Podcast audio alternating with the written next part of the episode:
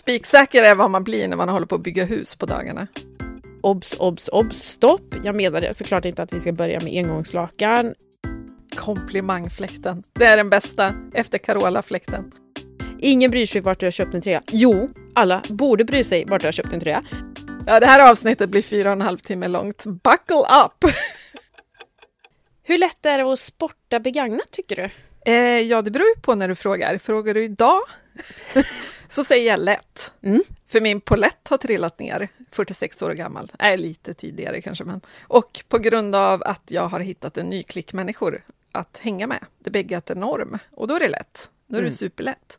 Jag har inte bytt ut alla mina vänner, obs. det låt, lät lite hårt, kände jag. Eh, och jag har ju några barndomskompisar som alltid har älskat loppis och det är ju gött.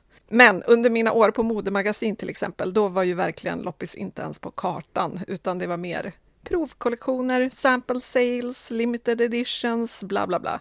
Det är väldigt uppenbart att jag är lättpåverkad om man säger så. Du då?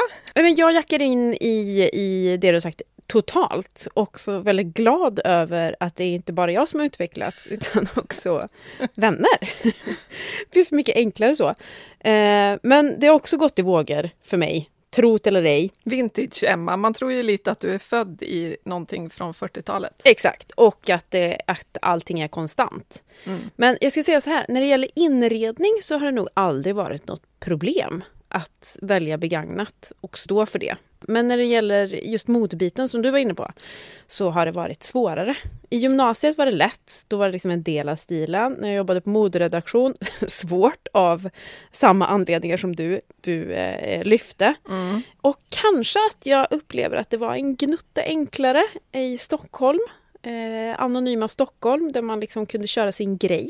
Jag och en kompis snackar ofta om skillnaden mellan liksom Karlstad och Stockholm. Och eh, hennes mamma kommer ofta på tal. Hon brukar säga så här, ja, ska jag gå runt på ICA i Skåre så här? det är just det, liksom, i, I en anonym storstad så är det liksom lite mer fri lek. Ja, jag fattar. Eh, man möter aldrig någon som vet vem man är. Ja, precis. Man sticker ut mer. Ja men precis, man sticker ut mer. Eh, Man är den där, ja men, nej Emma Sund. Går runt här och tror att hon är något eller? Men jag tänker, det är så, att, så som man kanske tänker, så som det kanske inte är. Men normer är, och rädslor är ju till för att brytas, eller hur? Ja, och det här med att lösa klimatkrisen hänger nog lite på att vi bryter en norm eller två eller 88, tänker jag. Mm, mm. Ja. Och idag ska vi alltså prata en hel del om normer och hur vi ska göra för att få bollen i rullning och kicka igång det där cirkulära samhället som ju är framtiden. Och det handlar ju inte bara om bäggat. Nej. Det handlar ju om delningsekonomi och cirkulära affärsmodeller och allting som vi egentligen påverkas av när det gäller konsumtion. Mm. Och vi som snackar är Emma Sund, obviously en snackpåse av rang, tidigare känd som Vintage-Emma och som nu bygger hus av begagnat och som även rattar den cirkulära pop-up-gallerian Rundgång i Karlstad. och Maria Soxbo som har skrivit en hel bok om allt vi har att vinna på omställningen och som längtar ihjäl mig efter det cirkulära plan B-livet. Kom, kom, kom, kom. Nu kör vi, men först ett klipp. Det är när människor pratar med varandra eller organiserar sig som omställningen sätter fart. Det är fikarum på jobbet, släktmiddagar, på gymmet, i bokcirkeln. Det är föreningar, fackliga organisationer, kommunala nämnder och på företag. Det är där normer formas. Man stödjer varandra till att agera annorlunda. Man ställer krav gemensamt. Det i sin tur är grogrunden för politisk förändring. I själva verket är det nästan omöjligt, annat än i diktaturer, med större politiska förändringar om det inte finns någon jordmån för att få stöd för dem. Normer är superviktiga, ser vi i historien. Lite tröstande är forskningen om sociala tipping points. Den visar att det inte alls, som man kunde tro, krävs en majoritet eller så för att åstadkomma kraftiga omsvängningar i normer. Utan någonstans i storleksordningen 25-30 procent. Just när det gäller klimatet är det hoppfullt. Det kan nämligen vara så att vi nu närmar oss vissa sociala tipping points för klimatengagemang. Det där var ett klipp från Maria Wollratz Söderbergs sommarprat från i somras. Ett måste att lyssna på för hela befolkningen skulle jag säga. Mm. Ett, ett tal till nationen. Men innan ni börjar lyssna på det så tycker jag att ni ska lyssna på ett annat tal till nationen, nämligen Plan B-podden. Nu kör vi! AB Storhetsvansinne checkar in. Okej, vi ska snacka om begagnat och cirkulärt och normer i dagens avsnitt. Och jag känner att det är läge för att börja med lite fakta. Vänta så ska jag bara sätta igång faktakranen Soxbo. ja, ja, vad ska jag säga? Eh, jag har jättemycket att säga. Vi, vi kör bara. Mm. Det produceras 100 miljarder klädesplagg varje år på jorden och det är 12-13 plagg för varje människa på planeten alla får inte 12-13 nya plagg per år, det kan vi ju enas om. Utan i Sverige till exempel får man 50 nya plagg per år, ett plagg i veckan. Mm. Och ett fast fashion-plagg används i snitt sju gånger, sen slängs det i soporna. Eh, hälften av alla kläder slängs inom ett år. Enligt EU-kommissionen så genererar varje europe 12 kilo kläd och skoavfall per år. I Sverige är siffran närmare 14 kilo enligt Naturvårdsverket. 7,5 kilo av dessa 14 hamnar i restavfallet. Och det här är en viktig grej att komma ihåg, för i Sverige har vi ju liksom en tro på att allting vi sorterar på olika vis återvinns och blir nya prylar. Plast, metall och så vidare. Det här gäller inte riktigt textil, eh, utan det är faktiskt mindre än 1 av alla textilier som görs av gamla textilier. Så istället kör vi en lastbil i sekunden till sopberget med textilier. Alltså, det är så sjukt. En procent är pisslite. För den som, den som inte märkte det nu. Men jag tänker också, jag tror också att det finns en tro på att vi liksom lever i ett så slutet kretslopp. Mm. Våra avlagda kläder eller prylar som vi skänker vidare till eh, eh, välgörenhetsorganisationer. Det liksom stannar i ett oändligt kretslopp. Men så är det ju verkligen, verkligen, verkligen inte. Utan vi exporterar ju bort ohemult mycket second hand varje år. 28 000 ton varje år som vi i Sverige måste exportera bort för att vi har inte möjlighet att ta hand om de här enorma volymerna. Nej, precis. Alltså nu bor ju inte jag i Sveriges största stad, eh, även om eh, i mitt sinne kanske så. Men eh, jag tror, det var någon som sa att det går liksom en busslast till Tyskland eh, varje vecka, tror jag det var, ifrån Karlstad. Eh, jag är inte spiksäker på, på eh, spiksäker, var det en ihopmarsch av spiknykter och tvärsäker. Jag tror det var. Spiksäker är vad man blir när man håller på att bygga hus på dagarna.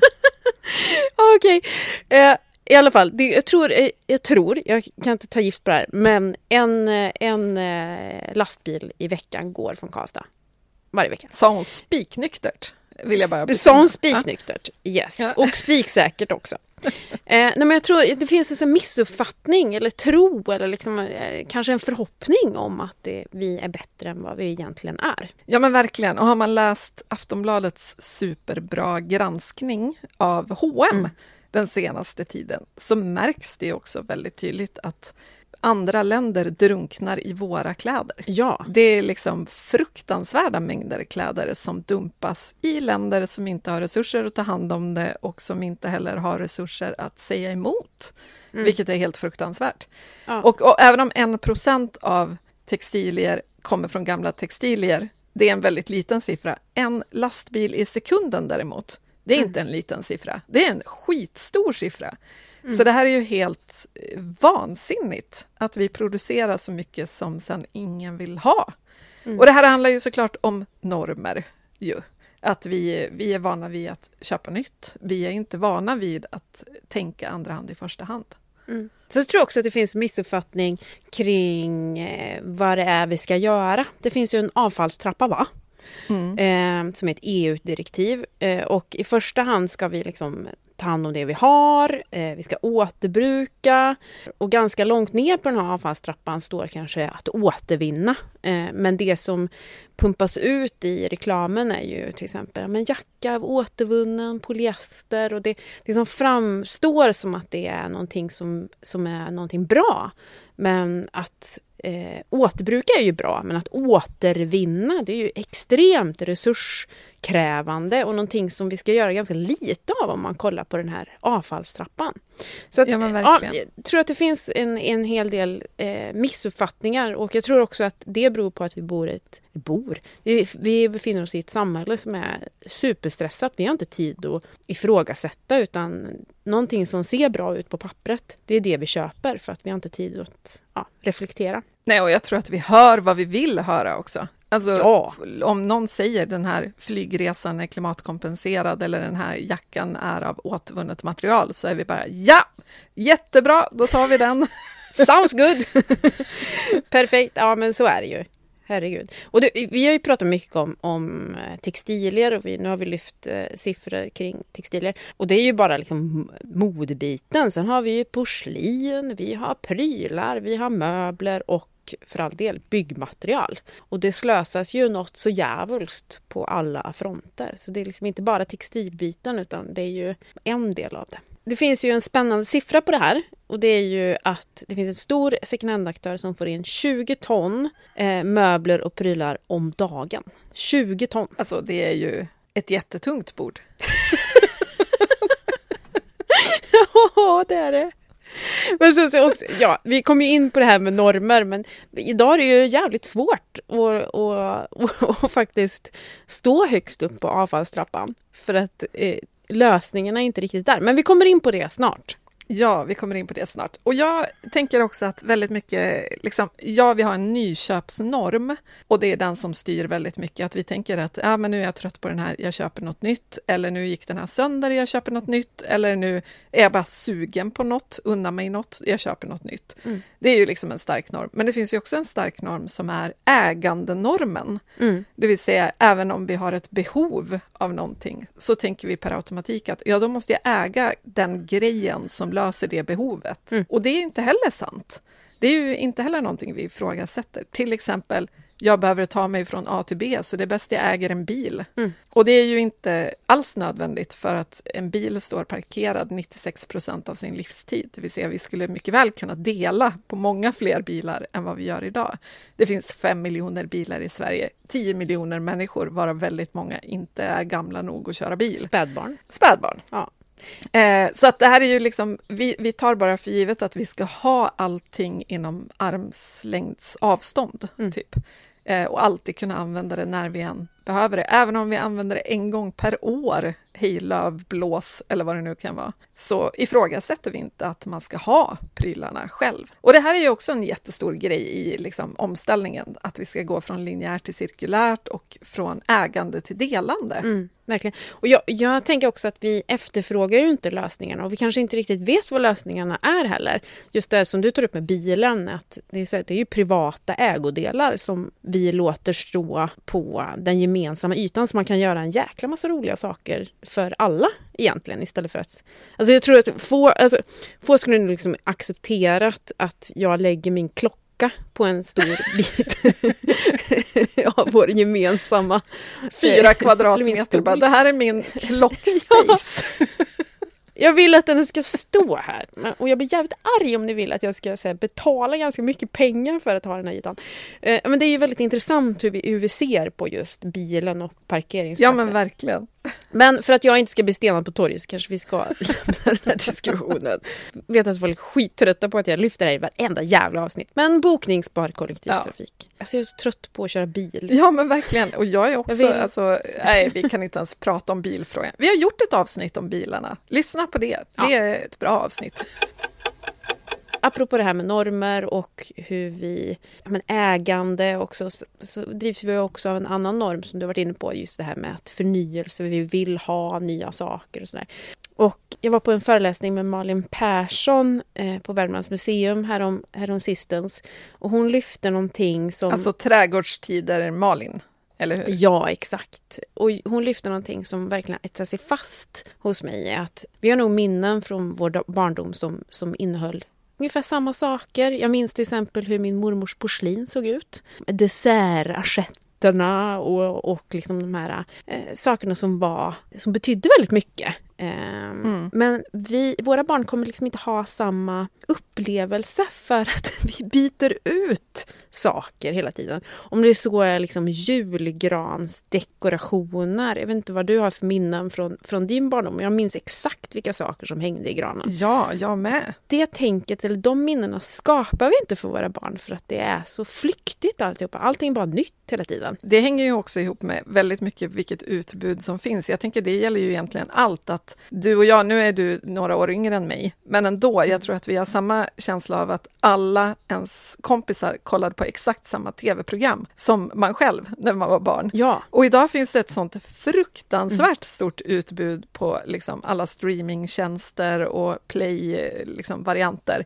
att ens barn kanske inte alls kollar på samma saker som sina kompisar. Mm. Och det är ju någon form av så här, vi, vi njuter ju ändå lite av det här med nostalgi, att vi kan i vuxen mm. ålder ha saker gemensamt med folk i samma ålder, även om vi inte har växt upp ihop. Mm. Och jag tycker det är någonting som går lite förlorat i det där, att, att precis som du säger, att vi byter ut allt från julgranskulor till tv-program, till kläder, till tapeter. Allting bara byts, byts, byts. Så vad blir ett bestående nostalgiminne mm. för nästa generation? Lite rotlöst, eller historielöst. Jag hörde på radion just det här, man pratade om tv-program, att alla typ i min generation kan hela låten till Luftens hjältar.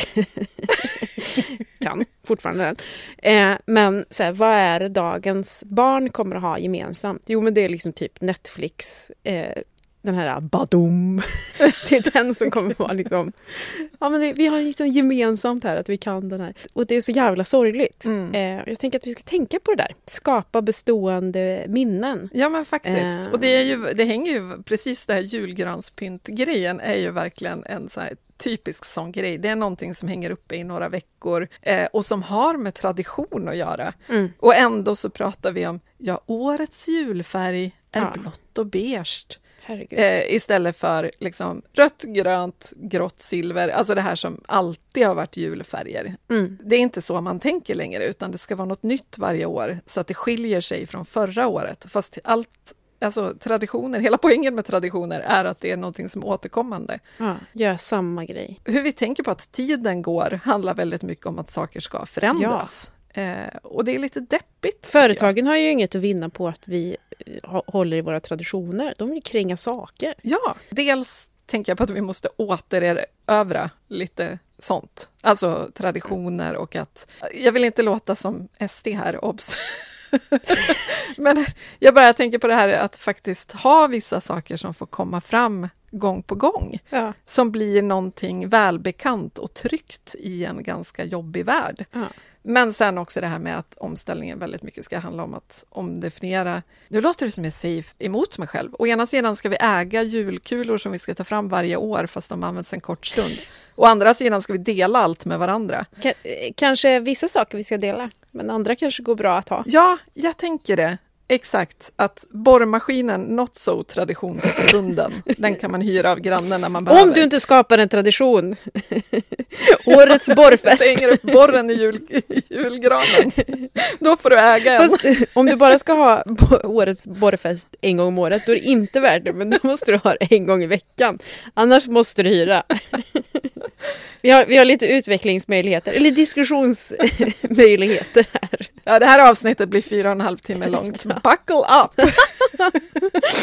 oh, Gud. Men, men jag måste också säga att jag tänker på att mycket av det här har vi ju redan vant oss vid. Nu var ju du inne på Netflix-gingen och vi tog upp det som ett lite här, negativt exempel på det enorma utbudet. Mm. Men Netflix och Spotify och allt det här har ju också lärt oss delningsekonomin, hur smidigt det kan vara. Mm. Jag tänker att vi bara behöver applicera det på lite fler områden i livet, så inser vi att mycket bekvämlighet kan finnas i att till exempel ha en delningsbil istället för äga en som måste försäkras och bytas däck på och allt vad det är. Mm. Det är liksom fördelarna måste vi snacka mer om, tänker jag. Ja. Att vi bryter den här starka, starka ägandenormen som handlar om att vi ska äga allting upp till en viss punkt. Sen blir vi hoarders och det är inte norm. Så det, det är en fin balansgång. ja, det är det verkligen. Men du, normen är ju att köpa nytt, det har vi ju pratat om och vi, vi puffas hela tiden mot nyköp genom reklamen. Och historiskt har nyköpsbutikerna slickat paradgatorna.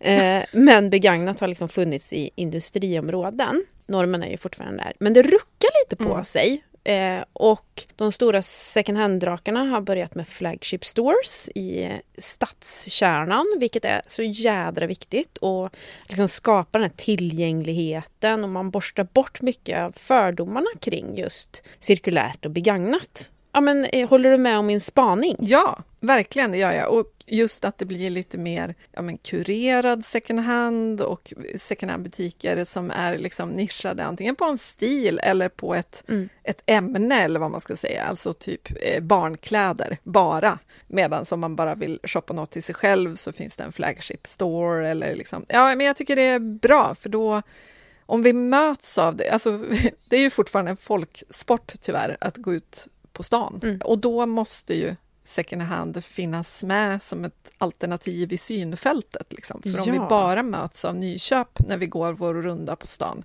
då tänker vi ju inte ens att det finns ett alternativ. Mm. Vi pratar ju ofta om det här med att förpacka omställningen på ett attraktivt sätt. Jag tycker att det är så många som har gjort det. Alltså det är så många nu butiker som ligger på min bucketlist att besöka runt om i Sverige men också så här att man ser att så här, stadsbilden börjar förändras. Man har de här äh, väldigt balla eh, butikerna Mm. som, som gör cirkulärt hippt. Ja men verkligen. Jag var ju i Köpenhamn för några veckor sedan. Där fanns det till exempel på en av de stora shoppinggatorna en butik som bara sålde begagnade lyxväskor. Ah, Extremt nischat men också extremt härligt Ah. för den som, som gillar det. Liksom. Att en hel butik med bara väskor och bara lyx. gud vad roligt. Eh, men allting second hand. Liksom. Mm. Så att det, är ju, det, det finns ju en marknad och jag tror att det finns också, vi kan skapa en efterfrågan på second hand i mycket större utsträckning än det finns idag, bara genom att presentera och paketera det på nya sätt. Mm.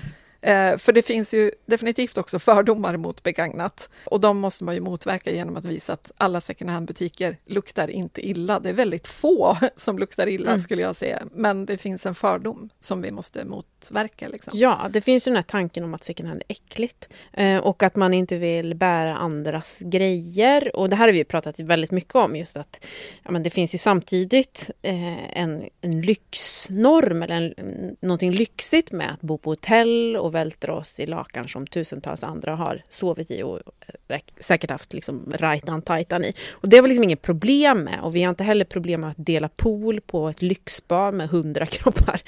Eh, Eller stoppa en restauranggaffel i munnen som har varit i hur många munnar som helst Nej men innan oss. verkligen. Och jag, det är ju hög tid att tänka om och obs, obs, obs, stopp. Jag menar såklart inte att vi ska börja med engångslakan eh, eller efterfråga separata badkar och lyxbad. Men vi kanske ska ta en runda kring vad är det som egentligen är äckligt? Och nu vill jag att vi ska så här, höja blicken rejält. Eh, är du med mig? Ja, För nu ska vi gå in i äckligheten. och välkommen till den mysigaste podden i Sverige. Nu snackar vi äckligt! Nu snackar vi äckligt. Eh, äckliga timmen. nej då, jag skojar bara. Eh, nej men jag tänker att vi ska sätta second hand, alltså synen på second hand i relation till skitig människosyn, kemikalier och utsläpp. Mm. Vad är det egentligen som är äckligt här, tänker jag? Ja, exakt. Är det äckligt att använda en tröja som en annan människa har använt? Eller är det äckligt att köpa en ny tröja som ett barn har varit med och tillverkat? Precis. Som förmodligen kommer dö på kuppen. Ja, Och jag tänker också mycket på, vi har ju en rad välgörenhetsorganisationer som gör så mycket vettigt på sin väg mot att faktiskt presentera det cirkulära och det begagnade och skapar en social verksamhet. Och i relation då till vad nyköpskedjor kanske gör. Ja, eh, det är dags att, att börja ifrågasätta, tänker jag. Vad är det som är äckligt egentligen? Som sagt, det är hög tid att sätta saker i lite perspektiv. Och du skrev väl om ett stort modeföretag häromsistens, Maria? ja det gjorde jag. För jag skrev på Instagram om en eh, forskningsrapport som har räknat ut att det krävs utsläpp på 4 434 ton för att döda en människa. Mm. Det vill säga, då stiger temperaturen så mycket så att någon dör av värmeslag någonstans i världen. Och det här är alltså inte inräknat alla som dör av kanske översvämningar och stormar och andra konsekvenser av klimatförändringarna, utan bara värmen.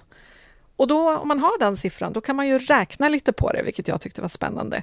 Och då kanske jag räknade på ett stort modeföretag som enligt sin hållbarhetsrapport 2022 släppte ut 7,15 miljoner ton koldioxid. Om man räknar lite på det då, så betyder det att det modeföretaget hade 1613 liv på sitt samvete förra året. Mm. Ja, enkel matematik. Jag läste en annan hållbarhetsrapport, ska jag berätta om den eller? Ja, gör ja. det ska vi sätta det här i perspektiv. För under förra året, alltså samma år som du refererar till, så har Erikshjälpen sparat in 1 279 153 kilo kemikalier, eh, över 2 miljarder liter vatten, 13 572 ton koldioxid. Det här har alltså sparats in. Och Erikshjälpen hade 89,4 miljoner kronor i överskott. Pengar som inte gick till någon VDs mansion. Mm. 21,8 miljoner eh, gick till humanitärt stöd och ytterligare ett mångmiljonbelopp eh, pumpades in i stöd till långsiktiga insatser. Ett hundratal människor fick också en språngbräda in i arbetslivet under förra året. Jag vet inte vad du tycker, men, men tanken om att second hand skulle vara äckligt känns eh, ganska befängd. Det skulle jag vilja hålla med om. Vad är det som är äckligt? Ja, inte är det det här i alla fall. Det här är Nej. ju fantastiskt. Mm. För att djupdyka ytterligare i Erikshjälpens arbete och också få en inblick i hur de jobbar med normer så har jag tagit ett snack med Emelie Johansson som jobbar på Erikshjälpen. Låt oss lyssna. Hej Emelie! Hej Maria! Du, du jobbar ju på Erikshjälpen och ni har lanserat något som ni kallar Vanliga veckan. Kan inte du berätta vad det är? Eh, det stämmer. Eh, vanliga veckan är vårt svar på den här ganska galna perioden som handeln är på väg in i just nu. Eh, vi är på väg in i årets kanske största konsumtionsperiod och hela handeln bara skriker av rabatter och olika hållbarhetspåståenden. Och vi kände att vi behöver också ta plats i det här. Eh, vi behöver höras, vi behöver ifrågasätta, vända på normer och erbjuda ett alternativ som faktiskt är hållbart på riktigt. Mm. Och samtidigt så kände vi att vi är så stolta över vår egen affärsmodell, precis som den är. Så ur det föddes Vanliga veckan. Och det är helt enkelt en vecka där vi lyfter allt det bra som kommer ur cirkulär konsumtion och eh, ideell second hand. En helt vanlig vecka, men med extra mycket öppet. Ja, okej. Okay. Man vill ju ha vanliga veckan jämt, det hör man ju direkt. Det är ju tanken. ja, precis. Men du, det känns ju som att det här handlar väldigt mycket om vad som är normer också, att det hållbara liksom alltid blir ett undantag på något vis. Mm. Hur jobbar ni för att förändra det så att begagnat faktiskt kan bli norm? Eh, målet med den här vanliga veckan är ju att väcka de här tankarna och reflektionerna kring vad som är vanligt när det kommer till hur vi konsumerar idag och visa på det här alternativet som vi tänker är det nya vanliga. Eh, framförallt så arbetar vi ju jättemycket för att driva butiker där så många som möjligt kan trivas och vilja handla. Sen tror vi också väldigt mycket på kunskap. Eh, det ger motivation till förändring.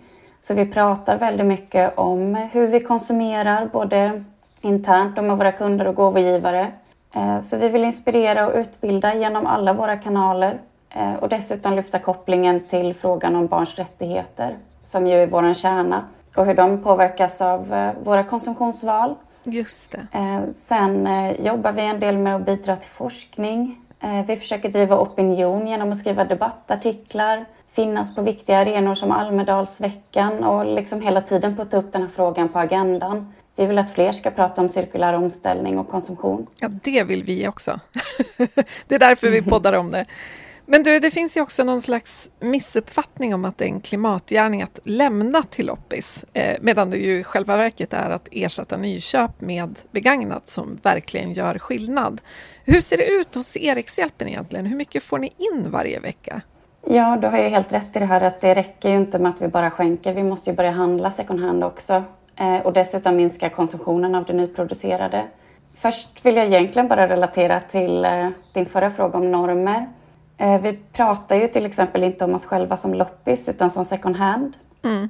Eh, för oss så finns det en ganska klar skillnad här och det är också ett sätt att vara normförändrande i frågan om återbruk och återanvändning. Eh, och ett sätt som vi gör det, det är att, att arbeta jättemycket med våra butiksupplevelser eh, för att få dem att kännas, det låter ju konstigt, men som en riktig butik. Mm. Det finns väldigt mycket tanke om hur våra butiker är uppbyggda och utformade för att kunden ska känna att det både är enkelt och kul att välja det hållbara. Men för att svara på din fråga om hur mycket vi får in så är det massor Eh, vi har över 60 butiker i Sverige eh, som alla samlar in gåvor och det kan handla om mellan 1 till 2,5 ton kläder i veckan eller 1 till 2 ton husgeråd och porslin. Och det är ju bara två varugrupper av ganska många så det är mycket. Och ni är dessutom bara en aktör på second hand-marknaden. Sen finns det ju många fler som också samlar in. Precis. Jag tänker att många också tror att det man liksom skänker till loppis cirkuleras lokalt i allt oändlighet. Att man lämnar in en tröja och så köper grannen den och så kommer den att liksom vandra runt i kvarteret på nytt och så håller det på så. Yeah. Men det är ju egentligen så att det pumpas in så mycket plagg och prylar att kanske Erikshjälpen och andra aktörer inte ens mäktar med att ta hand om allt. Mm. Eller hur? Ja, men det stämmer tyvärr. Eh, vi är ju såklart jättetacksamma för varenda gåva som vi får ta hand om. Det är ju liksom grunden i vår verksamhet. Om ingen skänkte så skulle vi inte finnas. Men så länge som vi bara fortsätter skänka och inte handla second hand så står ju vi här med ett enormt prylberg som det inte finns någon avsättning för. Och vi kommer aldrig nå någon hållbar konsumtion. Och tar vi kläder och textil som exempel så är det här väldigt, väldigt tydligt. Eh, Naturvårdsverket har siffror på att det finns ett överflöd av textilvaror hos ideella insamlare på över 70 procent idag i Sverige.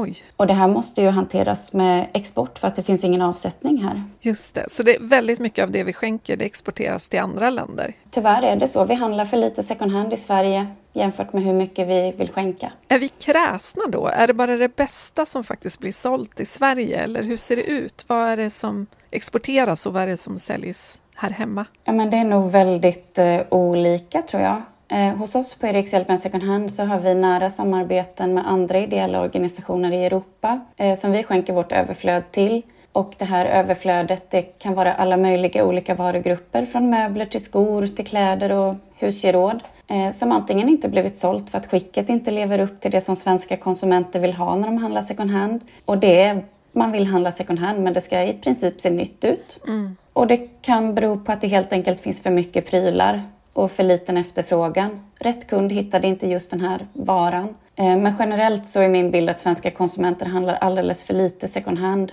Eh, en för liten andel i relation till det som man handlar nyproducerat. Eh, vi är faktiskt bland de bästa i Europa på att skänka men bland de absolut sämsta på att handla second hand. Så det måste ju hända någonting här. Just det.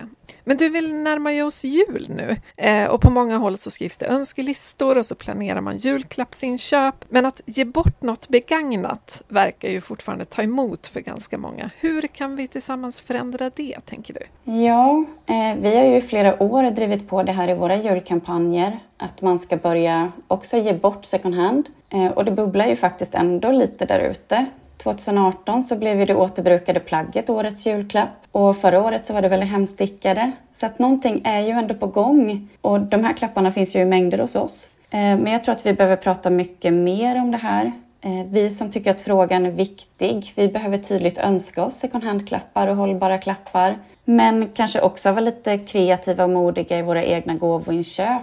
Det finns ju verkligen allt i våra butiker och vår e-handel. Allt från liksom praktiska prylar och verktyg till lyxiga detaljer. Eh, så ett tips när man ska ge bort någonting är kanske att tänka både på stil och personlighet och nytta och nöje. Eh, det finns alltid någonting som kan tilltala och någonting som kanske kan vara en ögonöppnare för någon som inte är så van vid att handla second hand. Just det. Sen har vi i år faktiskt tagit fram en julklappsetikett till alla våra butiker. Och den här etiketten gör det extra tydligt att det är just en second hand julklapp. Så man behöver inte ens tala om det själv. Ah, smart. Eh, och sen berättar den här etiketten om alla mervärden som man får av att handla second hand. Det är ju himla bra, för det, då kanske man inte liksom börjar be om ursäkt för sin gåva, utan det framgår att den har andra värden. Precis, vi tänker att det är något som man kan vara extra stolt över. Perfekt. Men om du skulle ge tre tips för hur Plan B-poddens lyssnare kan bidra till att förändra de här ohållbara normerna kring konsumtion, då, vad skulle du säga då? Det är ju alltid svårt att dra fram tre smarta tips, så det var tur att jag fick förbereda lite här men mitt första tips är väl att eh, ransaka sig själv eh, och försöka se vilka normer som man själv blir påverkad av. Vad är det som påverkar mitt köpbeteende och väcker min konsumtionslust? Kanske finns det något område som jag inte har ställt om på det jag kan ta ett litet steg till. Ett andra tips är väl att prata second hand mer med sina vänner och familj och kollegor. Att vara stolt och berätta om bra second hand-fynd som man har gjort. Det kan funka som en ögonöppnare för någon som inte har testat än. Att önska sig second hand-klappar och presenter såklart. Sen ett tredje tips hänger lite ihop med det här andra och det är väl att om man orkar också vara den där lite obekväma i rummet. Det behövs fler sådana. Eh, såklart utan att komma med pekpinnar och påhopp. Eh, men kanske kan man vara med och påverka inköpen på sin arbetsplats eller bara väcka någon diskussion i lunchrummet. Om det är någon som tycker att det är ofräscht med second hand så kan man ju fråga om inte den personen brukar gilla att gå på restaurang eller bo på hotell. Exakt. Eh, eller kanske bor i ett hem där någon faktiskt har bott innan. De flesta av våra lägenheter och hus är second hand. Våra partners också, om man ska vara krassa. ja, ofta även de. Eh, och det finns ju faktiskt kanske ingen lättare tid på året att börja väcka den här diskussionen än nu när alla faktiskt handlar som allra mest. Mm. Sen ett litet bonustips är att köpa presentkort i någon av våra butiker. Det kan ju vara en liten push i rätt riktning för någon som inte testat. Just det. Jag tror att många skulle bli överraskade. Har man inte varit i en second hand-butik eller har man inte varit i en second hand-butik på tio år så måste man liksom testa på nytt. Ja. Det är något annat idag än vad det var för tio år sedan. Ja men verkligen. Men tack snälla Emelie, det här var ju jättespännande och ja men nu satsar vi på vanliga veckan året om då. Nu kör vi! Ja men hörru du, nu är det också snart jul. Mm. Och Erikshjälpen har 61 butiker runt om i Sverige fulla med julklappar. Ja, och jag tänker att vi ska köpa en fräsch julklapp i år. Inte en äcklig vi... julklapp. Ingen vill ha en äcklig julklapp. Inte en äcklig julklapp. Fan, det låter så himla ofräscht. Vi, vi kommer bara köpa fräscha julklappar du och jag i år.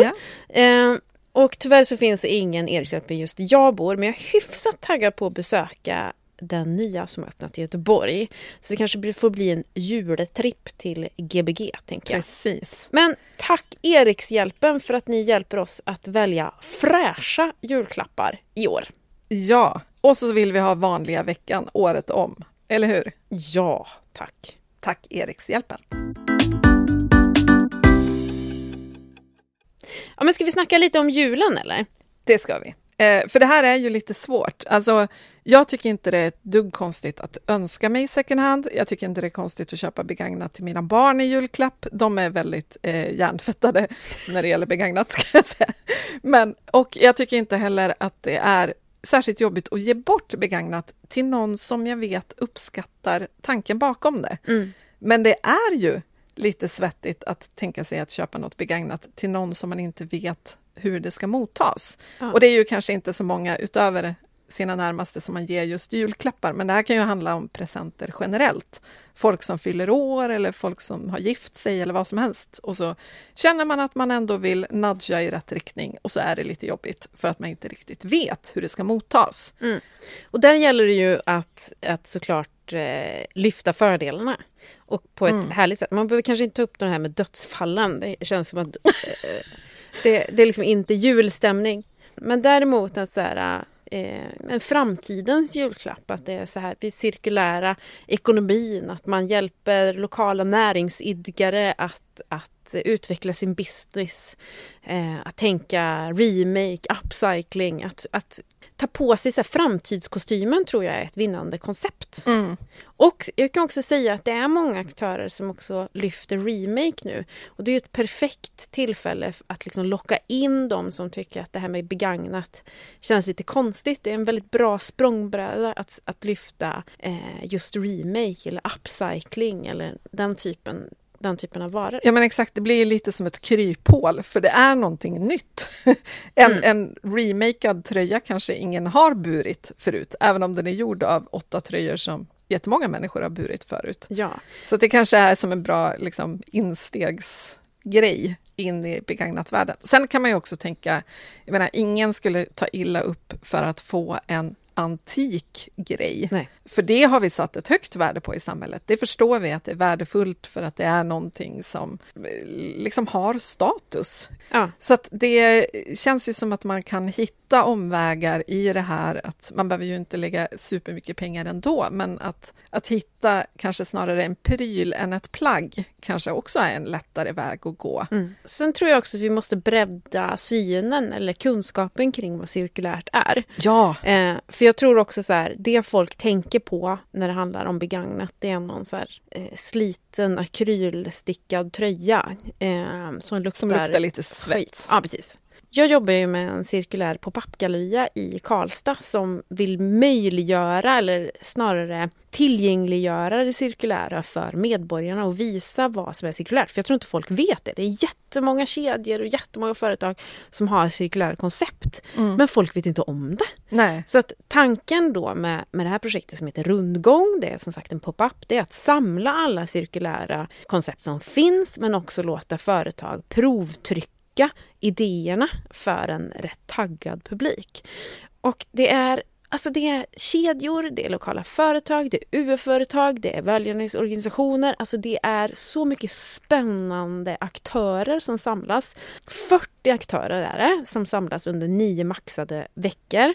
Eh, Vi är öppet fram till 31 december. Och jag vill bara liksom lyfta några av, av så idéerna som finns där. Det är dels ett UF-företag som gör eh, doftljus av eh, gamla stearinstumpar från kyrkor, tror jag det är. Mm. Alltså så himla smart grej. Ett annat UF-företag som gör såna tändkottar av kottar från naturen och stearin. En annan så här kedja som, gör, som har ett samarbete med, med en social verksamhet som gör eh, accessoarer av eh, gamla textilier. Cirkulärt är så långt ifrån den här stickade akryltröjan. Det finns så mycket eh, kreativitet, så jäkla mycket finurligheter som vi behöver tänka in i. Och allt det här ryms ju i den här fräscha julklappen. Och jag tänker också att man kan handla sina grejer på Erikshjälpen och också göra egna grejer som, som blir härliga. Alltså nu låter det som att man ska så här, knyppla sin egen grytlapp, men det, jag tror att vi är, vi är liksom förbi det. Ja, men Vi verkligen. är liksom eh, beyond, vi, det är coolt. Alltså, det är, eller gud, det låter så mossigt när jag säger coolt. Men eh, alltså det är så himla vettiga, smarta, snygga grejer. Ja, men jag tänker också att det går ju, man kan ju tänka kreativt här. Jag tycker det här är en underbar julklapp generellt, eller present. Just det här kombinationsgrejen. Förbrukningsvara, begagnad grej. Mm. Alltså exempelvis en begagnad korg fylld med lokala delikatesser. Mm. Och kanske stoppa i en kokbok som också är begagnad. Mm. Så blir det liksom ett kit och då blir det en, en så här genomtänkt tanke och jag har väldigt svårt att någon skulle bara, ja men ew, korgen är ju begagnad. Mm. Alltså ingen kommer att säga det. Och likadant om man ska bara ha en gå bort-present, att köpa en, en billig vas på loppis och stoppa, inte just nu då för det är höst, men, men liksom en ängsbukett, vägkantsbukett i den och Mm. ge. Det finns så många sätt att göra begagnat till, liksom upphöja det lite själv så att mottagaren fattar att det här är någon som har tänkt. Mm. Eh, och då blir det liksom direkt ett högre värde och en personlig gåva istället för bara en massproducerad pryl. Liksom. Ja, och jag tänker ingången till, alltså oavsett om det är julklapp eller vad det är, eh, att vi alla är en del av att få fler att våga bära eller köpa begagnat. Dels inspirerar man ju, men också har man möjlighet att vara någons hejaklack. Ja, Det finns så, alltså vi behöver fler hejaklackar som gör det okej att bära begagnat eller inreda med begagnat eller cirkulärt eller köpa mm, cirkulära julklappar. mm. Ehm, och majoriteten av oss behöver nog bli lite mer påhejade. ja Ehm. verkligen. Jag, jag var och föreläste igår och då kom det fram en tjej efteråt och sa jag vill bara säga tack. Jag tycker allt det här är jätteviktigt, men jag har känt mig som att jag inte riktigt är välkommen, för jag gillar också mode. Mm. hon ville liksom få fram det här att ja nu blir det ju lite självberöm här, men hon tycker just att Klimatklubben i sin paketering visar att det är okej att det också är snyggt. Mm. Ja men verkligen. eh, och jag tycker det är så himla viktigt att man måste kunna säga, men jag tycker det är jättekul med kläder Mm. och jag vill förnya min garderob ibland, men jag gör det med begagnat Mm. och då är det ju liksom en annan grej. Då blir det mer som att man lånar kläder från det gemensamma begagnat-utbudet. Jag tänker också på men, att våga sticka ut eller våga bära begagnat och våga vara den där på ICA i Skåre. som, så här, ja, men, som njuter av eh, det cirkulära eh, och vågar så här, ja, men det här är en jäkligt snygg kappa, den råkar vara illröd eller grön. Jag vill citera Hulda Andersson som är en helt ljuvlig modestylist. Ja. Alltså hon är, hon är typ världens gulligaste. Jag vill ändå säga det. Jag jobbar med henne och hon är Ja, hon är Nej, fantastisk. hon är fantastisk som person. Eh, och eh, hon sa, hon hade lagt upp på sin Instagram tror jag det var, ja, men så här, att vi måste avdramatisera både begagnat men också kläder. Bara, det är bara kläder. Alltså så här, det är bara kläder. Och det tänker jag att vi ska tänka på just när vi ska våga klä oss eller våga bära begagnat. Att vi, det, är bara, det är bara kläder. Det är bara inredning, det är så här världsliga Ja, ting. Men sen är det ju det här med också, jag tänker det, eh, att jag menar, du har en ganska utpräglad vintage-stil, vilket gör att förutom att liksom, vet man vem du är så vet man att du bär vintage, men man kan också ana det om man aldrig har träffat dig förut. För att du har kanske en pennkjol som man ser att ja, men den här är en annan kvalitet än liksom, fast fashion och sådär. Mm. Medan jag som klär mig helt liksom eh, Svensson, folk fattar inte att jag har begagnat på mig och ibland kan jag nästan bli lite arg över det. Mm. För att jag vill inte, apropå äckligt och så vidare, jag vill inte att folk ska tro att jag har shoppat allt jag har på mig nyköp. Mm. Jag försöker ju säga det så ofta som möjligt. Om någon frågar var min tröja kommer ifrån så säger jag second hand istället för att säga ett Mm. märke. Bara för att så här, normalisera vad second hand är också. Att man inte, man kan ha en vintage-stil, men man behöver inte ha det. Mm. Alla kan klä sig i begagnat och det känns också som en viktig poäng i det här. Jag, har, jag kan ha en lösning på det här. Ja. Och jag vill säga, innan jag En stor det, skylt, en sån här gatupratarskylt som jag går runt med. Jag, vi kommer in på det här snart, men först vill jag säga så här. Dels så här, ingen bryr sig vart du har köpt en tröja. Jo, alla borde bry sig vart du har köpt en tröja. Ja, det vill jag säga. ja. Men också vill jag här, koppla an också till Hulda Andersson igen. Hon uppmanar att ge folk komplimanger. Och när det gäller second hand och cirkulärt så behöver vi bara dra på den här komplimangfläkten lite extra, tänker jag. Komplimangfläkten. Det är den bästa efter Carola-fläkten. Ja, ja, det är det faktiskt. Men så mer sånt. Vi ska återkoppla till det här gatupratan snart. Men först så vill jag att vi ska lyssna på en intervju. Ja, Jag har ju intervjuat Anna Lidström och jag tänker att vi ska lyssna på eh, intervjun. Hej Anna Lidström! Hej! Hej! Du är Sveriges första doktor i redesign och du har även blivit utsedd till årets second hand-profil av Erikshjälpen och också en stor inspirationskälla för just begagnat. Jag känner att vi, vi har kommit helt rätt när det gäller det här ämnet. Vad kul! Du, eh, jag har massa frågor till dig och vi i Sverige är ju jämförelsevis ganska dåliga på att handla second hand. Vad beror det på? Ja du, bra fråga. För jag skulle först vilja bara fundera lite vad vi faktiskt menar med second hand. Och jag tänker när jag var yngre och i tonåren och så mitt modeintresse startade, då var ju verkligen second hand gamla grejer som man kunde hitta. För då var det inte sån hetskonsumtion som vi har nu. De senaste åren har ju second hand blivit mer och mer typ nyköp med lappar kvar. Och också med det in mind så tycker jag både man skulle kunna diskutera vad vi menar med second hand och man kanske skulle differentiera det som är det här riktigt slitna kontra det som är felköp och nyköp folk har bara liksom skänkt vidare. Att jag tänker att det är två olika saker. Men också då kopplat till detta att det finns så himla mycket väldigt nya produkter som räknas som second hand tycker jag faktiskt att det är helt ofattbart att man inte handlar second hand för att vi har ju har kommit så långt från det här, det här som folk förut tyckte var problematiskt med, eller fortfarande tycker är problematiskt med, jag tänker med doft och att det är lite så här trassligt om man inte riktigt vet. Ja, men det är så här, man vet inte riktigt vad man har väntat sig, man vet inte hur man ska leta heller.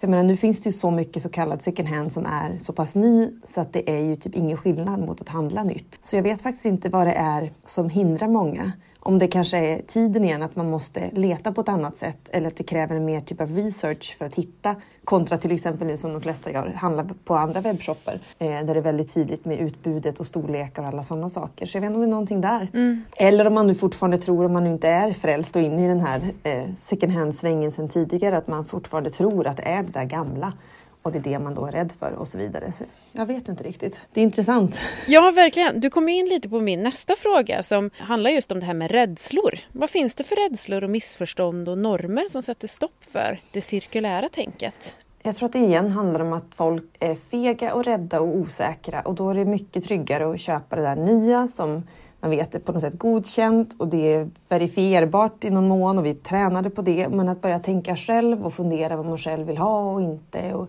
vad man passar i och storlekar och allt det. Det är liksom en djungel som man kanske inte ens har tid eller lust att utsätta sig för. Mm. Precis som att jag tänker inom all konsumtion, alltså det som serveras och paketeras på ett visst vis är vi benägna att ta till oss för att vi också tränade det. Och det är även marknadsförare tränade i att presentera saker på ett visst sätt för att vi har, vi har övat in den typen av, vad ska man säga, autobahn, köra rakt fram perspektivet. Men jag tänker igen att det också handlar om Ja, men att man inte kanske känner sig själv och vet vad man vill ha och vem man är. Och då är det mycket lättare att haka på vad någon annan har presenterat för en på något vis. Jag vet inte. Ja, behövs det liksom ett självförtroende för att ta sig utanför kedjorna och märkena för att det är liksom utvalt av någon. Man köper ett koncept. Ja, men det tror jag. Sen tror jag också att det handlar om att det tar lite tid. Mm. Alltså, nu är jag ju inne så i den här svängen själv, men det är så mycket annat jag inte hinner kolla upp. Alla lever i sina liksom, silosar på något vis kring, och jag tänker hur familjelivet är utformat och ens yrkesliv och så. Och att ha den tiden att sätta sig in i att fundera på något annat är ganska svårt. Och det är där jag tror igen att vi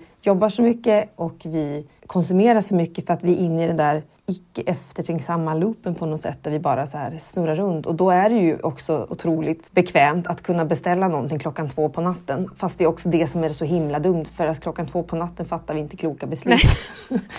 och förut har man inte kunnat gå en affär den tiden på natten eller när man har varit onykter eller när man har varit lite deppig eller när man har varit lite... Så jag tror det är någonting här med det här tillgängligheten också, att det är så enkelt som gör att det blir som en slags tröst och snutte. Mm. Och att man i tidsbrist väljer de här alternativen istället för faktiskt i någon slags eh, jag menar att man är så, vad ska jag säga, offensiv och framåtlutad i sitt levande kontra att sitta mer lugnt med gott stöd i ryggen och känna att man kan fundera lite på saker. Jag tror att det handlar mycket om de sakerna. Mm. Men nu är inte jag beteendevetare och expert på det, men, men så tycker jag att jag upplever det Ja, när man tittar på Instagram eller vad det nu är för ställen och sammanhang. Men från ditt perspektiv, vad, vad, vad, behöver vi få till för förändringar i samhället för att öka det cirkulära tänket och minska just det här som du pratar om, eh, linjära, snabba? Alla måste ju dra sitt strå till stacken. Det handlar framförallt tycker jag, om lagstiftning som pushar företag att ställa om för att de kommer inte reglera sig själv i den utsträckning som krävs, även om många pratar om det och mycket gott görs. Och sen handlar det också om alltså ren och skär konsumentupplysning. Men där har ju även företagen ett ansvar att tala om att så här ska ni göra med våra produkter.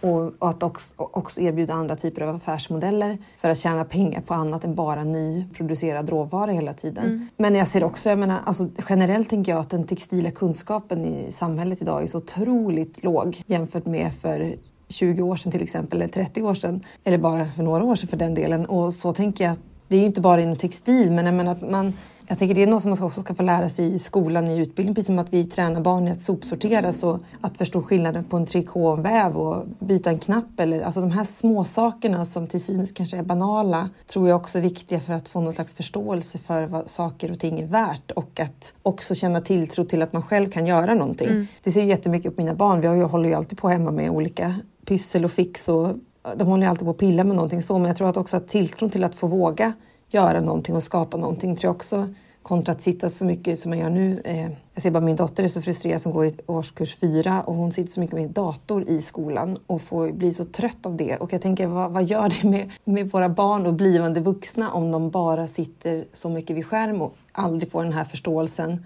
och det, är, ja, det är inte bara inom textil, jag tänker inom matlagning, mm. lära känna naturen, eh, förstå, alltså, förstå sin plats i samhället också, att man själv har ett ansvar men också en massa möjligheter. Och den tycker jag för mig är så viktigt att koppla till handen och tanken på något vis. Och där ser jag att, jag vet inte, jag, jag, jag tror att vi behöver jobba mycket mer med unga och igen, vi behöver jobba på alla områden samtidigt. Men om vi inte ställer högre lagkrav pusha företag att ställa om så går det alldeles för långsamt. För när företaget ställer om och börjar visa kunderna till exempel att så här kan man göra istället eller vi presenterar den här produkten istället. Det är klart att kunden kan acceptera det. Vi har ju accepterat det här andra så länge så jag tror att igen är det liksom någon slags allas ansvar till omställning. Men, eh, och det kan se väldigt olika ut och det är väl precis just för att det är så komplext det också går så långsamt för att det kan vara så överväldigande också för alla. Mm. Precis som att det just som jag sa saknas mycket kunskap kring vad textilier är och kan vara och hur vi ska hantera dem i vår vardag också. Alltså jag håller helt med och jag tänker att du kommer med väldigt bra konkreta förslag här. Och då undrar jag också så här, vi pratar mycket om normer i det här avsnittet. Och vilka normer skulle du vilja ta koll på här och nu? Vilka skulle du vilja skapa om du fick, om du fick designa dem själv? Ja, men en norm som jag tänker är generellt en sjuka i samhället är det här helt och rent och fräscht och särskilt i, i Sverige. Oj, förlåt mig jag tänker bara ett sånt intressant konto som jag också följt länge, Renoveringsraseri, som pratar om, om, om arkitektur och hela den här rivningshysterin som håller på att utradera vårt kulturarv. Och vi har ju som samma perspektiv inom våra garderober eller heminredning att så fort en spricka i något så ska det bort. Eller så fort något är lite snett och vint så kan vi inte acceptera det. Och det här nya fräscha, eh, polerade på något sätt som vi hela tiden inte alla då, men i, stort är det som promotas hela tiden som att det är det som är bra. Jag tycker att den, den bristen på förståelse för, vad säger man, det imperfekta eller Alltså det är någonting där som jag tycker är så jädra problematiskt i vår hets efter det nya, att det ska vara fräscht och pålitligt. Varför du nu det ska vara pålitligt på något vis. Mm. Det är ju där också vi är så urskiljningslösa och skoningslösa i vårt eh, hanterande av det vi har runt omkring oss i vår vardag. Från kläder till hus, till lägenhetsrenoveringar, till resor, till allt. Liksom. Jag vet inte, jag ser ju det, den här hetsen kring att vara ny och fräsch hela tiden på något vis och att det ska vara det säkra och då är man trygg. Tycker jag på något sätt, för mig är väl ett kvitto på att vi är så i lite kontakt med oss själva och vågar lita på så här, nej men jag gillar det här. Eller alltså att vi är så jag vet inte, i sånt, i sånt flockbeteende på något vis. Mm. Hjärntvättade i grupp istället för att våga vara individuella och sticka ut. Och det är väl där jag tänker också att det är ju spännande nu att man kan göra också ett statement med att vara annorlunda och ta ställning för olika saker. Men den typen av tillhörighet har man ju alltid sett inom olika politiska grenar eller inom kultur eller musik eller människor har ju alltid hittat sina kluster där man känner tillhörighet. Men det är någonting med den här igen som du säger normen som just nu är liksom all time high i någon slags, eh, ja, jag vet inte, nytt och fräscht. Eh, trots att vi också är all time high, eller om man kan säga så, i, i liksom klimatkris. Och det är mm. liksom bevis på bevis som staplas och fakta kring hur, hur jävligt det är. Och ändå är vi mer än någonsin benägna att vet jag, skaffa en ny bil. Mm. Jag vet inte, det är som en stor filosofisk fråga också men, men jag tror igen där att, att alltså, vi har ju så mycket information som väldigt få vet hur de ska ta till sig eller ens orkar ta till sig. Och där tänker jag att så fort man kan visa på goda exempel som inspirerar till någonting annat, där ser jag en väldigt stor kraft. Och där ser jag att design som verktyg också har en viktig roll att spela och inte bara i form av hur vi utformar produkter vi konsumerar men också hur vi tittar på liksom, systemförändring och hur vi borde samarbeta över kunskapsområden liksom, och så. Så att jag, jag tänker ju att, eller det är där någonstans jag står och jobbar dagligen i mitt arbete i olika sammanhang, att det är ju i att inspirera och hitta nya lösningar och jobba mer över vissa, men, jobba över kunskapsgränser på något vis, områden, att det är där tror jag att vi kan bryta normer också för att visa på att alternativen kan också vara bättre och inte bara sämre för att det är ju så mycket som är negativt laddat hela tiden. För att det är ju för jävligt mm. på så många sätt. Och där tänker jag att det är just, jag vet inte. Du är ju Sveriges första och enda doktor i redesign och du var inne på det här med eh, ditt jobb. Och vad kommer redesign att spela för roll i omställningen och synen på återbruk tror du? Ja, men jag tror att den är jätteviktig och jag tror också att den är väldigt viktig. Det som händer de senaste åren är att fler och fler designers intresserar sig för de här materialen vilket också gör att resultaten blir både vassare och kan se ut på väldigt många olika sätt, vilket jag menar i sin tur attraherar nya grupper att förstå att ah, här finns det någonting. Det finns businesspotential, det finns uttryckspotential, det finns, eh, jag menar att det finns att man kan se på det här som man har kallat för avfall så länge och se det som en resurs. Eh, och där tycker jag att designen har varit väldigt viktig de senaste åren. Och, men det som handlar för mig det övergripande kring redesign som perspektiv är ju just att Ja, men lite så här om man nu ska barnsligt jämföra med, ja, men som ett barn som kan, inte vet jag, få en tegelsten att vara 150 olika saker i lek. Så är vi som vuxna ser vi på den tegelstenen och kanske kommer på två alternativ. Mm. För det är ju en sten. Jag tänker att vi är så fast i att se på färdiga produkter generellt som att de är, de är färdiga. Och hela grejen med att jobba med redesign är att se hus, inredning, kläder, allt som ett en startpunkt, inte en slutpunkt. Och där tror jag ju att den typen av omvärderande av det vi har runt omkring oss, det är där jag ser att, att redesignen har en viktig roll att fylla. Och det kan handla om att man river hus mer selektivt och tar ut vissa delar för att återbruka dem. Det kan handla om hur vi jobbar med möbler i det offentliga rummet. Det kan handla om hur företag eh, producerar nya kollektioner på gammalt överflöd och så vidare. Så att för mig handlar det så himla mycket om ett synsätt och ett förhållningssätt till material snarare än en stil. Och jag tror att där, ju fler designdrivna eh, personer som jobbar med den här frågan, desto mer kan man visa på möjligheterna. Och då igen kommer vi in i det här jag pratade om, positiva eh, exempel som förstärker och visar på att kom, här på den här planhalvan kan vi, också, kan vi också vara och existera och då kan det vara så här istället för det här skrämmande vi har här borta. Men jag ser också att redesign är ju absolut inte något som kan lösa allt utan det är en del av många när vi pratar hållbarhetsarbete eh, och strategier för att hantera det här vi står mitt uppe i. Men det som jag tycker är intressant är att när du eh, pratar jämfört när man pratar om, om omställning i stort så omställning fram, eh, framstår ju ofta som något eh, stort, läskigt och icke eftersträvansvärt. Men det du pratar om låter ju bara som att det här kommer bli så spännande att se hela den kreativa processen och att det Ja. Det är verkligen en framtid att längta efter. Ja, men jag, jag försöker ju se det så även om man ibland blir helt förtvivlad för det går så långsamt och det känns så hopplöst. Eh, om man tänker på hur det ska vara när ens barn är vuxna.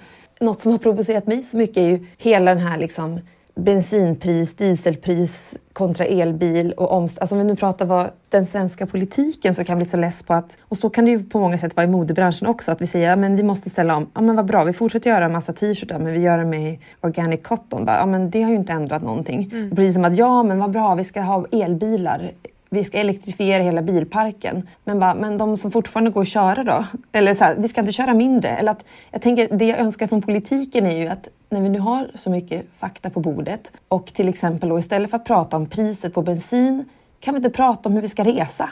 Mm. Alltså flytta frågan. Vi har ju läge, och det här är bara en av många frågor, men nu har vi guldläge att prata om kreativitet kring så här, ska vi sitta i bilar med fyra hjul som är byggda och väger ett ton? Alltså, eller är det på något annat sätt vi kan resa?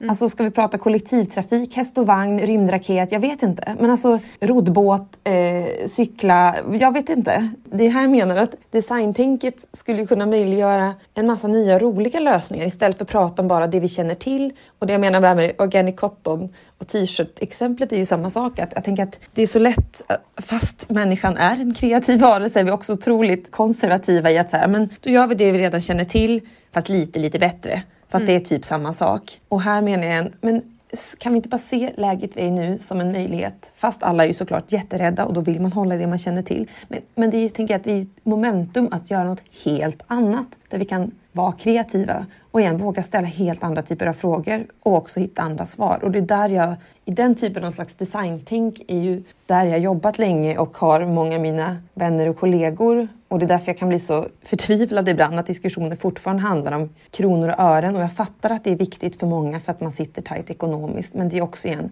vi har ju möjlighet att tänka något visionärt och nytt. Och det är kanske är helt andra lösningar än de vi i vår vildaste fantasi kan föreställa oss nu. Och det är någonstans där jag tänker så här, jag önskar att fler vore mer järva och våga prata om det där.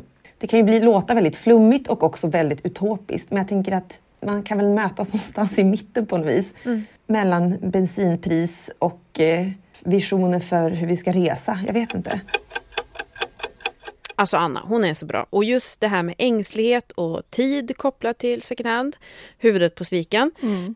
Jag tror att det skulle vara sju resor enklare för människor i farten som bara vill passa in och lösa ett problem om det fanns kurerade stilbutiker för alla som identifierar sig med ett visst märke eller kedja. Eh, om det så är Sara, H&M, Ganni, Prada eller eh, Rådbjer. Eh, det behöver ju inte vara märken, det kan ju bara vara liksom Prada-ish.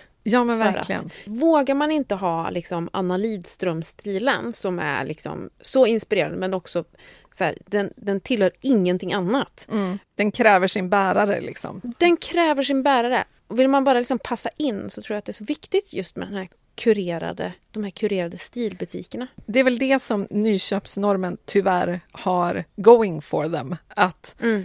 De är per definition rätt för att de har Mm. producerat sina saker nu. Mm. Och det, det blir ju liksom på något vis ett så här trygghetskvitto för den som inte känner sig så säker på sin stil eller vad som är rätt eller så, utan bara vill smälta in och att folk ska tycka att man klär sig fint. Liksom. Ja, Och då är det ju väldigt lätt att bara gå ut, titta i ett skyltfönster och köpa det som finns där, för det måste ju vara rätt, för det är ju till salu nu. eller visa ett märke tydligt, alltså en label. Ja, precis, precis. Och då är det ju mer av en utmaning om man ska hitta det som känns lika rätt på second hand, där alla tidsperioder finns samtidigt. Mm. Just därför tycker jag också att vi behöver fler kurerade second hand-butiker som faktiskt tilltalar den här personen som är mainstream, som tycker det är kul med mode, men också är väldigt mån om att passa in i trender och passa in i samtiden och bli accepterad av någon slags nutidskonsensus, Ja. vad som är snyggt. Och jag tror att det där är högst mänskligt, för även om jag kanske har en utpräglad stil, det är ju inte så att jag jag vill också passa in. Ja, Alltså jag, vill också, nej men också så, det, jag tror att vi alla bär på den här osäkerheten. Och bara, Gud, jag kanske är helt fel. Och, alltså så här, den här känslan, den bär ju och jag också på. Ehm, alla har nog den, men vi kanske tillsammans också bara ska fuck it. Ja, men precis. Och då jag. tycker jag ju ändå att så här, ja, men kurerade second hand-butiker är en lösning. Hyrgarderober Mm. är en annan lösning. Ja, men det har haft det lite kämpigt. Det var många hyrföretag som gick under under pandemin. Man kanske ifrågasätter hur, exakt hur stor klimatvinsten är om det är nyproducerade plagg som cirkulerar ett gäng och sen kommer det ändå en ny kollektion som ska cirkulera. Mm. Men jag tror att den lösningen kanske inte är 100 procent igen, men det är definitivt ett steg på vägen Mm. eh, som jag tycker ska utforskas och som vi alla kan hjälpa till att påminnas om att det finns. Och det kan ju handla om också att kanske inte hyra sin vardagsgarderob utan kanske hyra festplaggen till exempel. Ja. Som man ändå vill känna sig extra fin, men det är plagg som inte kommer att användas särskilt mycket. Eh, kanske bara en eller två gånger och då är det väl perfekt att hyra dem. Eller det kan vara kläderna som man har en viktig presentation på jobbet eller någonting sånt och då hyr man den snygga kostymen. Mm. Eller kjolen från Stina Löving. Alltså, är det något du drömmer om här? eller? Ja, det är mycket drömmeri här nu. Ja, Ja, men jag håller helt med. Och för er som trodde att jag och Anna slutade prata efter den här intervjun var över, då trodde ni fel. men hallå, ni kan ju Eh, inte alltså stänga det- av bandaren. Vi vill ju höra alltihop. Hallå. Det var så mycket intressant. Alltså hon är så vettig. Och en sak som Anna lyfte som tyvärr inte kom med i intervjun, men som jag tycker är så fasligt intressant apropå det här, så här det som vi pratade om kring, kring Erikshjälpen, Mm. vad second hand-aktörer bidrar till. Jag skulle vilja hänga kvar vid det här med just arbetstillfällen, för hon lyfte någonting som vi kanske behöver prata om lite mer, apropå vilka värden det är vi håller fast vid. Vad bidrar mest till samhället? Tusen nya jobb i en eh, fabrik eller 14 nya jobb som tar hand om resurser, sätter människor långt eh, från arbetsmarknaden i arbete eller integrerar människor. Eh, vi kanske ska höja upp de värdena och se vad de bidrar till i samhället bara för att se liksom, siffran tusen nya jobb. Ja, verkligen. Eh, bra. Framförallt om tusen nya jobb innebär att de får betalt som om de vore hundra. Exakt. Nej men verkligen, jag tycker det här är, det är ju jätteviktigt och det är ju kanske det som också har varit second hand-marknadens största utmaning, att det är så mycket handpåläggning. Mm. Varje plagg måste granskas för det kanske är trasigt eller felaktigt på något vis. Om man driver en liten webbshop kring second hand, ja men varje plagg måste fotas och så fort det är sålt så kan man inte använda den bilden mer. Mm. Till skillnad från om man massproducerar prylar, då kan man ha en bild och sälja en miljard plagg Mm. som ser ut så. Så att det här är ju, vi måste liksom på något vis förstå att, apropå prissättning kanske, att fast fashion är så billigt för att det är sådana volymer.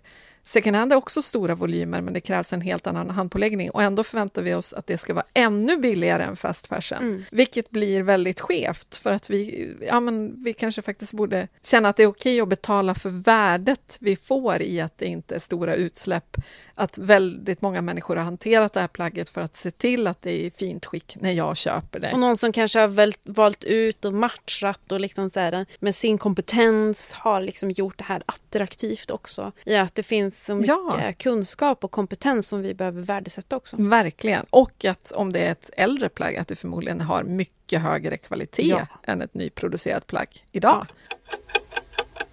Nu är vi inne på det här med lösningar och du kanske är intresserad av det här med gatupratarlösningen som jag var inne på. Att jag ska gå runt med en stor skylt och säga allt jag har på mig är begagnat. ja, det jag är inte jätteintresserad av den lösningen, men Nej, vi har, jag har en annan lösning. Den kanske är lite utopisk, men jag tänker också så här. Ja, jag har haft en vintage-stil. Jag har det fortfarande, men jag har också väldigt mycket byggkläder och jag har liksom mycket andra kläder också som kanske inte är inne i den här äh, klassiska vintage-stilen. Mm. Eh, Men allt är fortfarande begagnat och jag skulle vilja ha en, en märkning okej. av tredje part. okej. Ja men just det, jag kan inte, alltså, istället för att jag skriver i varje min Instagram-post att allt det här är begagnat så kanske den här Eh, ja, men det kanske ska vara typ som Svanen-märkt fast... Eh, eller den här lilla... Eh, säg att det är på... In- Gud vad jag låter osammanhängande. Eh, vänta, jag ska ta ett djupt andetag. Jag är så peppad. Eh, nej, men jag tänker så här. Kanske den här eh, bocken som jag inte har i och för sig på eh, Instagram. Att den ska ha en viss färg. Mm. Jag är en fanbärare för cirkularitet, för begagnat. Allting du ser här är, är liksom, har ett cirkulärt tänk. Gud vad kul. Ge mig. Alltså fatta att kunna söka på Instagram efter den typen av konton. Ja! Jag söker jättemycket av det för min egen del. Att jag vill ha sådana som, så här, men, som liksom inte tullar på liksom, sina värderingar. Alltså jag skulle bara Nej. vilja ha den typen av, av eh, konton i mitt flöde. Ja men verkligen. Men de är svåra att hitta. Så här, alltså, det, det kräver sitt researcharbete. Så eh, det skulle jag verkligen vilja ha. Vi ringer Meta sen då. Vi ringer Meta. Eh, nej men Lösningen är väl, som vi varit inne på, att normalisera begagnat, visa upp, berätta om det såklart. Ri- Lyfta cirkulära fanbärare, alltså om det så är liksom i snacket på jobbet eller med kompisar att säga, ja, men shit vilken cool stil eh, fair fashion Filippa har. Alltså, så här, alltså att verkligen hylla det som, som görs och kanske också via sociala medier. Att lyfta de som gör, som så här, faktiskt vågar. Det kan inte alltid vara lätt, tänker jag. Så att eh, lyft och hylla. Eh, sen så måste vi göra det enklare att köpa begagnat. Eh, fler såna här pop-ups som jag jobbar med i varje kommun, tack. Kopiera och göra det tusen gånger bättre än vad jag har gjort. Eh, eller föreslå för din kommun. Bara gör. Det måste bli enklare. Och sen så tänkte jag på det här med Gbg, om att jag vill åka till Erikshjälpen. När kommer framtidskortet som erbjuder liksom tågweekends med cirkulära early birds? Eh, alltså, fatta vilken jävla press det skulle sätta på kommuner att bli en hållbar destination. Det skulle sätta jädra mycket press om det fanns liksom de här weekend... Alltså jag är inte mycket för weekend, ska jag säga. Men alltså att, att man, man sätter ihop så här lyxiga så här paket. Att åk till Gbg, bo här eh, med lågt klimatavtryck. Här är liksom öppettiderna för alla grymma cirkulära eh, koncept. Här kan du äta med lågt klimatavtryck och hjälp den här. Och liksom, eh, ja, guider. Mer av eh, Kort. turism, alltså hållbar turism inom landet. Jag vet inte vad du har emot weekends. Det låter ju idiotiskt. Det är ju jättehärligt med weekends. Ja, nej, men jag tror att jag är fast i, i, i att ha jobbat på modetidningen och eh, att promota weekends till New York. Shoppa! ja men exakt, Alltså, så men vi ska ju reclaima ja, men det är sant. Det är sant. Shopping weekends. Det är ju ett jättetrevligt koncept med långhelg och att åka till liksom, grannstan och äta gott och bo i hotellakan som folk har haft sex i och eh, bada i det gemensamma badkaret och stoppa någon annans gaffel i munnen och allt det här. Jag menar det, det är Ja! härligt. Eh, och att få liksom, på plats någon form av guidning, alltså en smart app, en karta Ja. som bara, här är stans bästa second hand, Här finns svinsmarta restauranger, här finns det ett veganskt, en vegansk glassbar. Ja. Här finns det liksom, alltså allt det Jag här håller med vill dig. man ju uppleva. Jag håller med dig.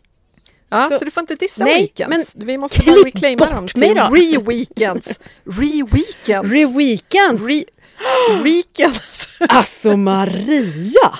Ta tagga dig in, alltså eh, köp, regga innan vi släpper Vi måste göra det här. Re-weekends. Re-weekend. Det är Ja, underbart. Ja. ja. Eh, nu måste vi verkligen eh, avsluta det här, men jag vill, skulle vilja avsluta med en uppmaning eller två. Eller det kanske blir tre. Mm. Går bra det här. Ett, styr om tanken och börja köpa andra hand i första hand. Två, köp och önska dig begagnade julklappar i år.